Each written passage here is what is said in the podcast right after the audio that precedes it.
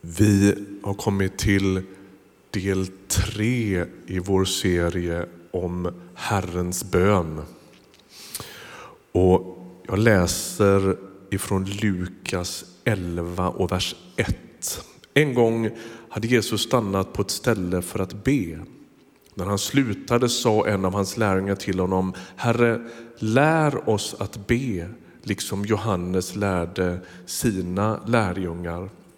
Vi har sagt nu ett par veckor att det finns så mycket bara i den här lilla introduktionen som är viktigt för oss att uppfatta. Det är när lärjungen ser Jesus be som han blir sugen på bön. Det är då han säger Herre, lär oss också. Och så har vi konstaterat att det finns två poänger i det här. Då, va? Ja, men dels det där när någon ber och det känns äkta och på riktigt. Det är då längtan efter bön vaknar. Och det andra vi noterar här det är bön är någonting man lär sig. Det tar tid. Precis som all annan kommunikation så är det någonting man övar på. Inte för att få någon slags guldstjärna eller svart bälte eller så, utan bara för att det är så kommunikation funkar. Lär oss att be.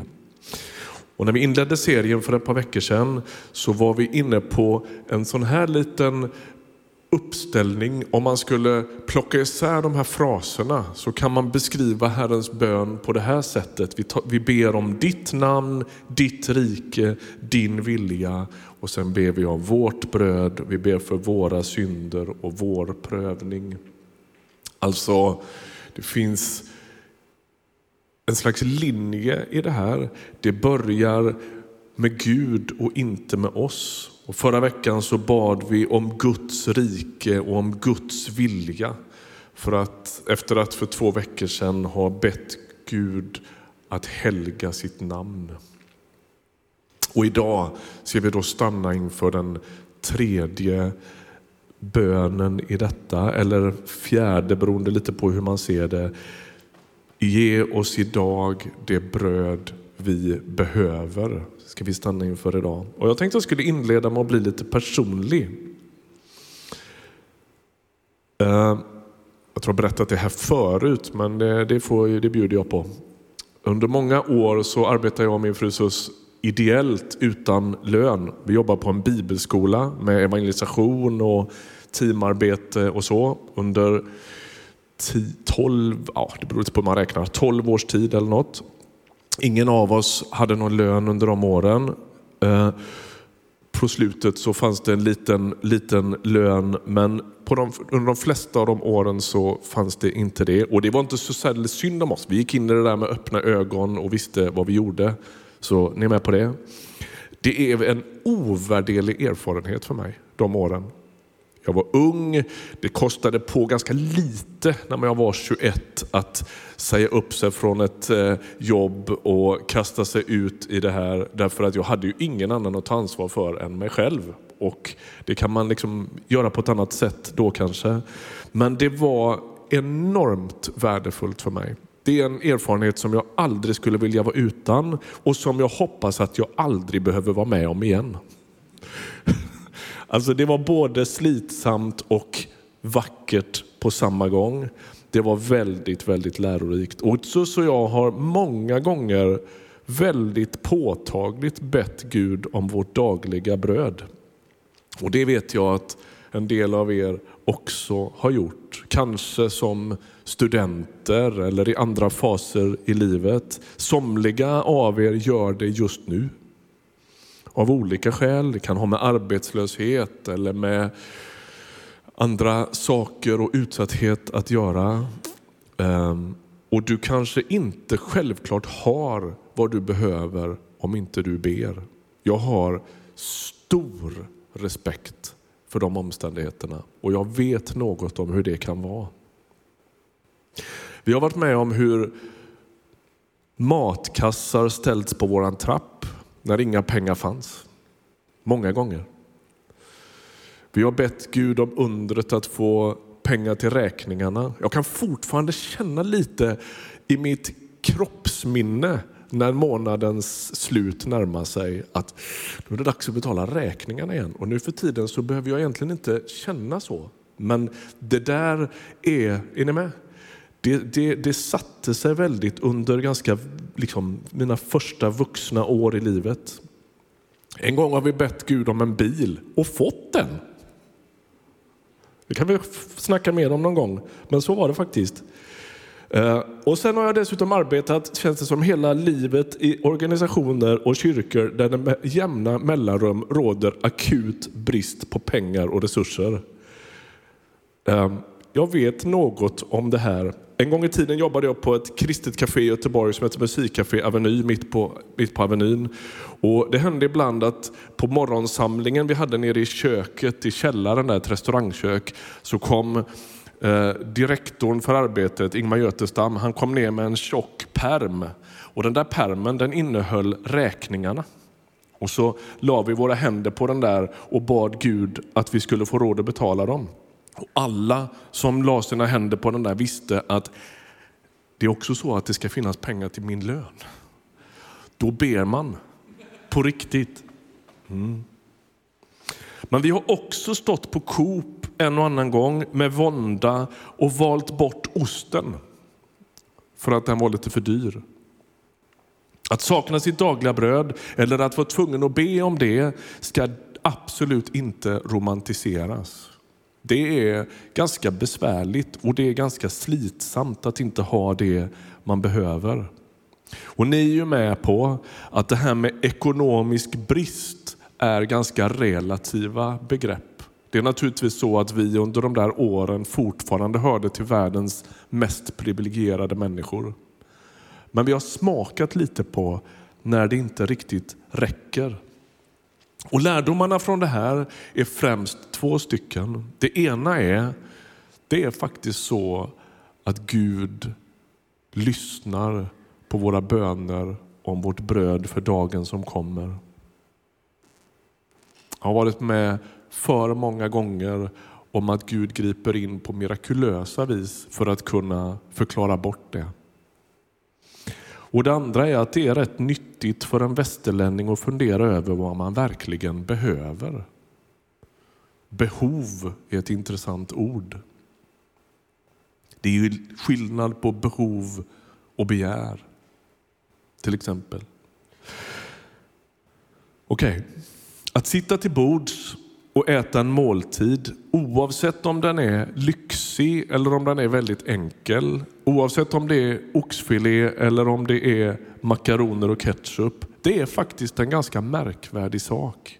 Dels för att det inte är alla människor förunnat och dels för att måltiden i en biblisk värld står för något väldigt speciellt. I en kristen världsbild så är en måltid inte bara näringsintag.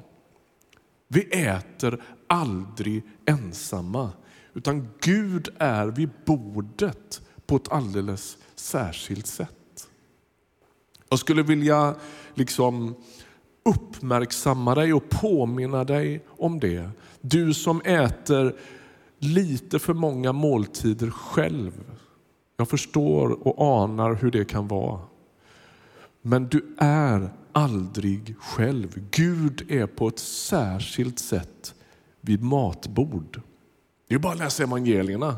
Det är ju där han hänger. När Gamla testamentet ska beskriva hur det ska bli när Guds rike kommer så beskrivs det ju i termer av mat.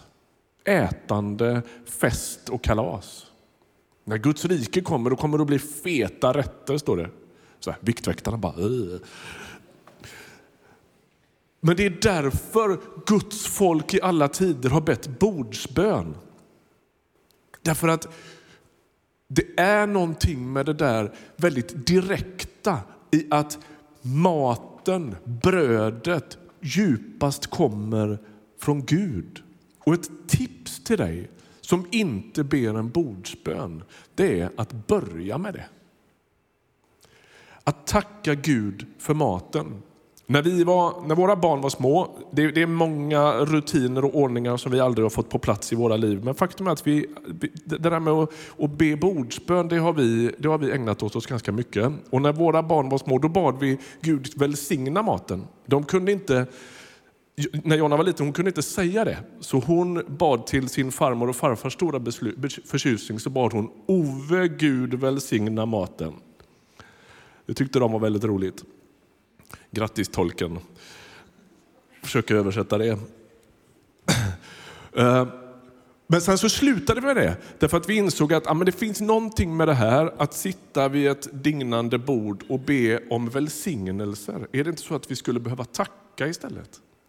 Så vi började tacka för maten och um, jag skulle vilja bara liksom bjuda in dig i det, du som inte gör det.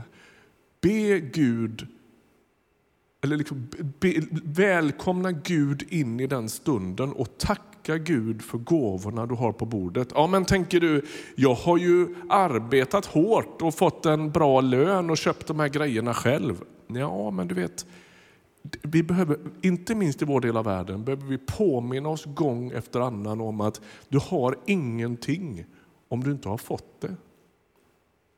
Det är Gud som är de goda gåvornas givare. Det är Gud som förser oss med det vi behöver. Han är den som liksom förser både den kristne och den som inte tror. Till sist så kommer allt gott från honom.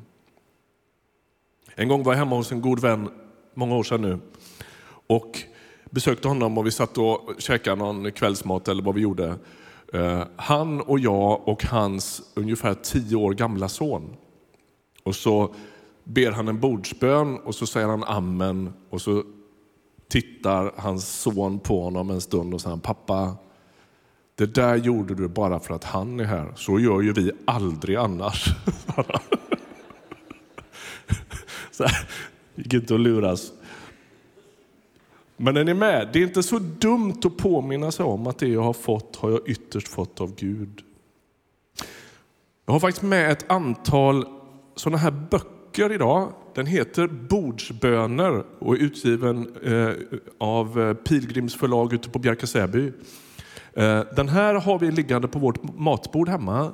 Det är en veckas bordsböner, tre om dagen, frukost, lunch och kvällsmat. Enkla, korta korta formulerade böner där man tackar Gud på lite olika sätt med lite olika uttryck. Liksom. Eh, det går att köpa med sig en sån här hem idag om man vill.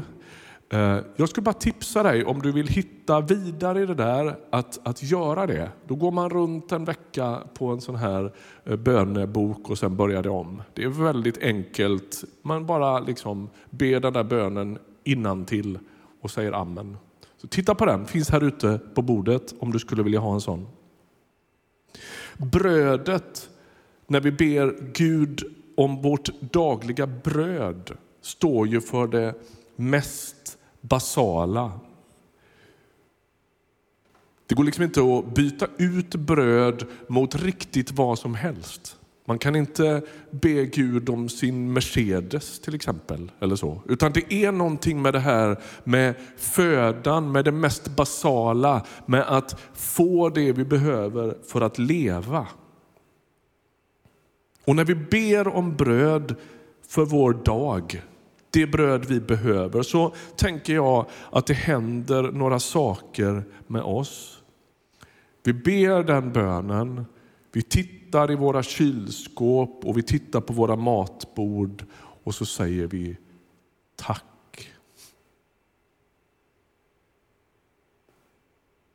Det händer ju ibland hemma hos oss att vi suckar över att vi inte riktigt får in allt i kylskåpet. Det är inte klokt. Vad mycket mat. Men så ber vi också den bönen vid våra matbord och våra kylskåp och har anledning att också säga förlåt. Notera att vi ber om vårt bröd och inte mitt. Att be om de andras bröd för, för dagen som kommer liksom drar in oss också i deras behov. Och Den här bönen om Guds omsorg och om Guds försörjning det är också en bön om social rättvisa. Vi ber för oss själva om det behövs. Absolut, gör det frimodigt.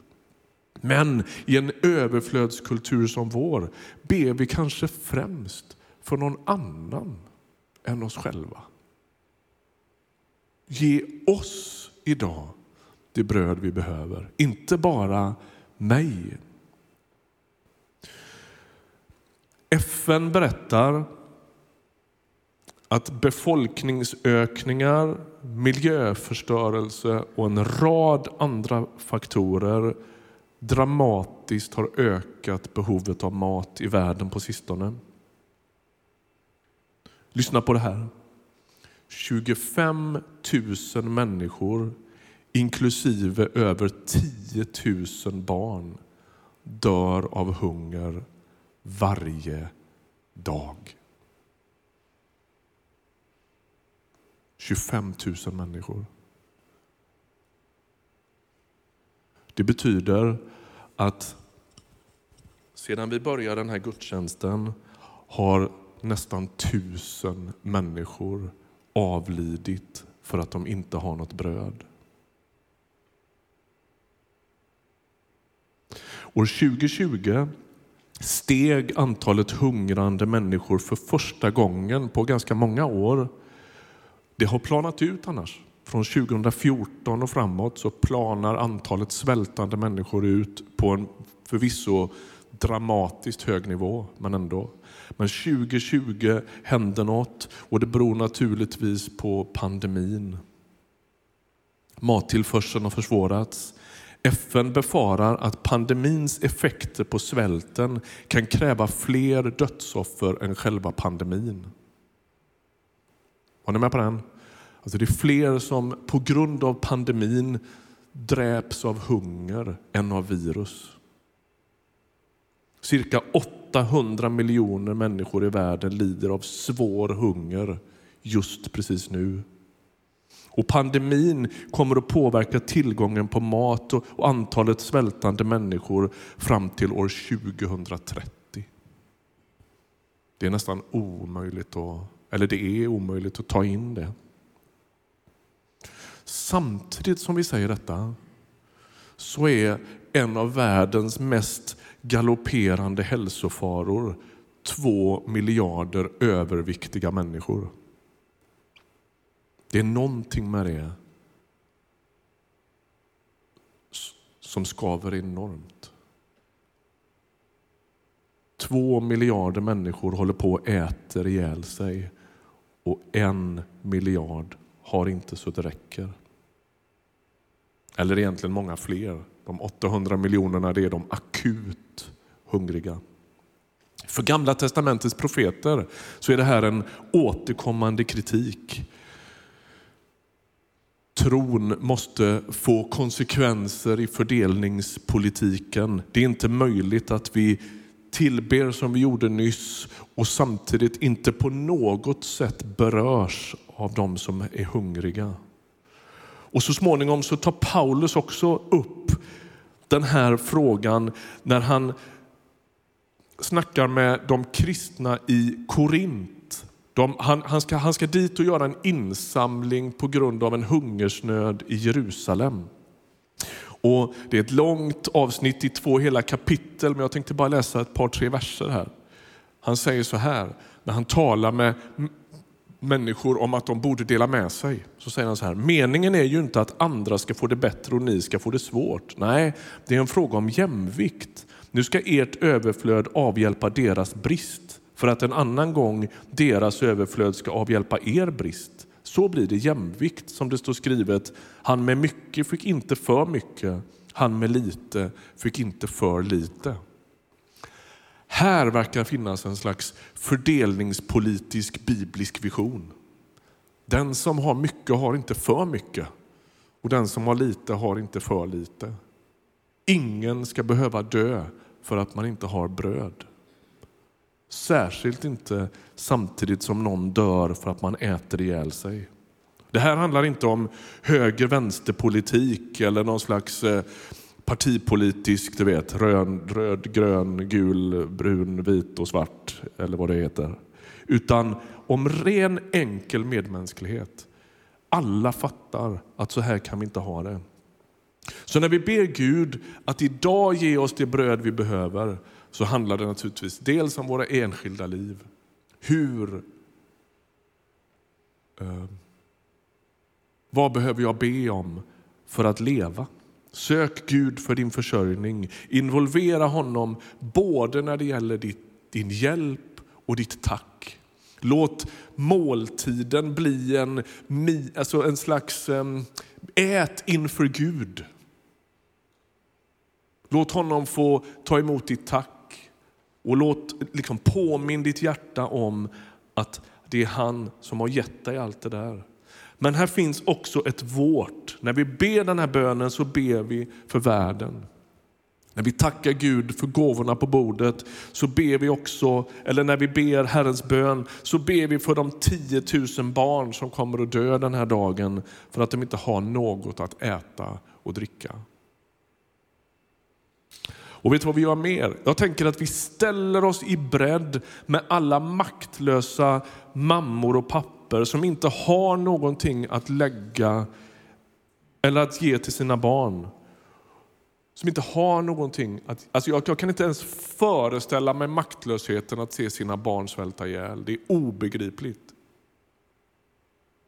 Det är omöjligt att ta in. Det måste vara den yttersta maktlösheten. Och det är som att när vi ber den här bönen så ställer vi oss i bredd med de här lidande människorna och säger ja, men vi känner också maktlöshet inför detta.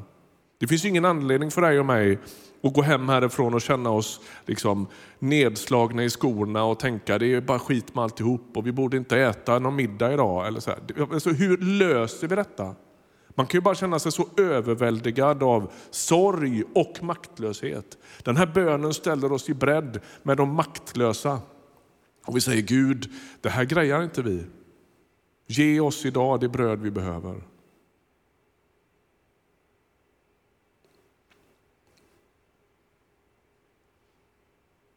Alla, ge alla oss det bröd vi behöver. Så tonen i den här bönen är tack för vad vi har. Förlåt oss när vi frossar på den fattiges bekostnad och hjälp oss med vårt bröd. Amen.